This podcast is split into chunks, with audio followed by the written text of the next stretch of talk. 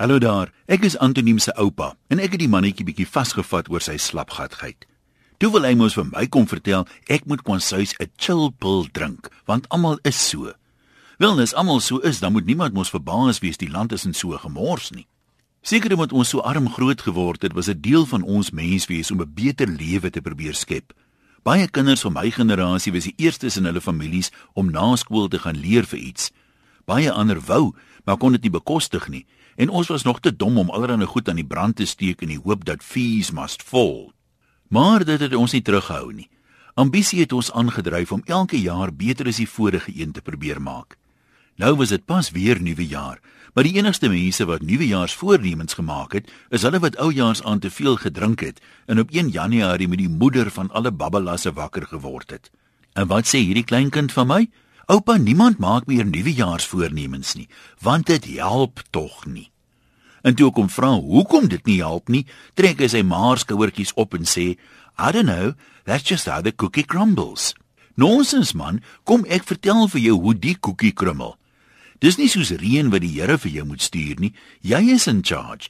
En as jy te slap ruggie is om eers te probeer, is jy reg.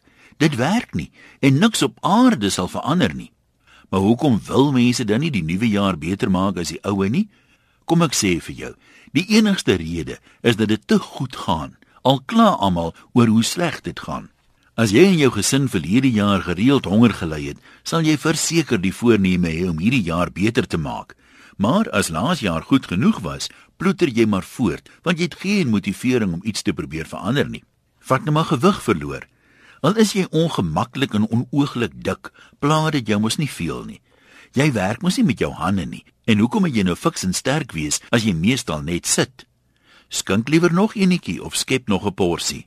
Maar laat hulle jou nou met 'n pyn op die bors daar by expensive care by die hospitaal instoot. As jy groot genoeg skrik, is jy mos dadelik wedergebore.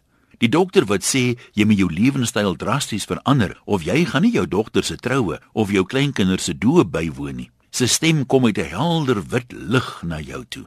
Maar jy was nie op pad Damaskus toe nie. Jy was op pad na jou sterfbed toe. En diep binnekant het jy mos geweet jy drink te veel, eet te veel en rook te veel en jy beweeg te min.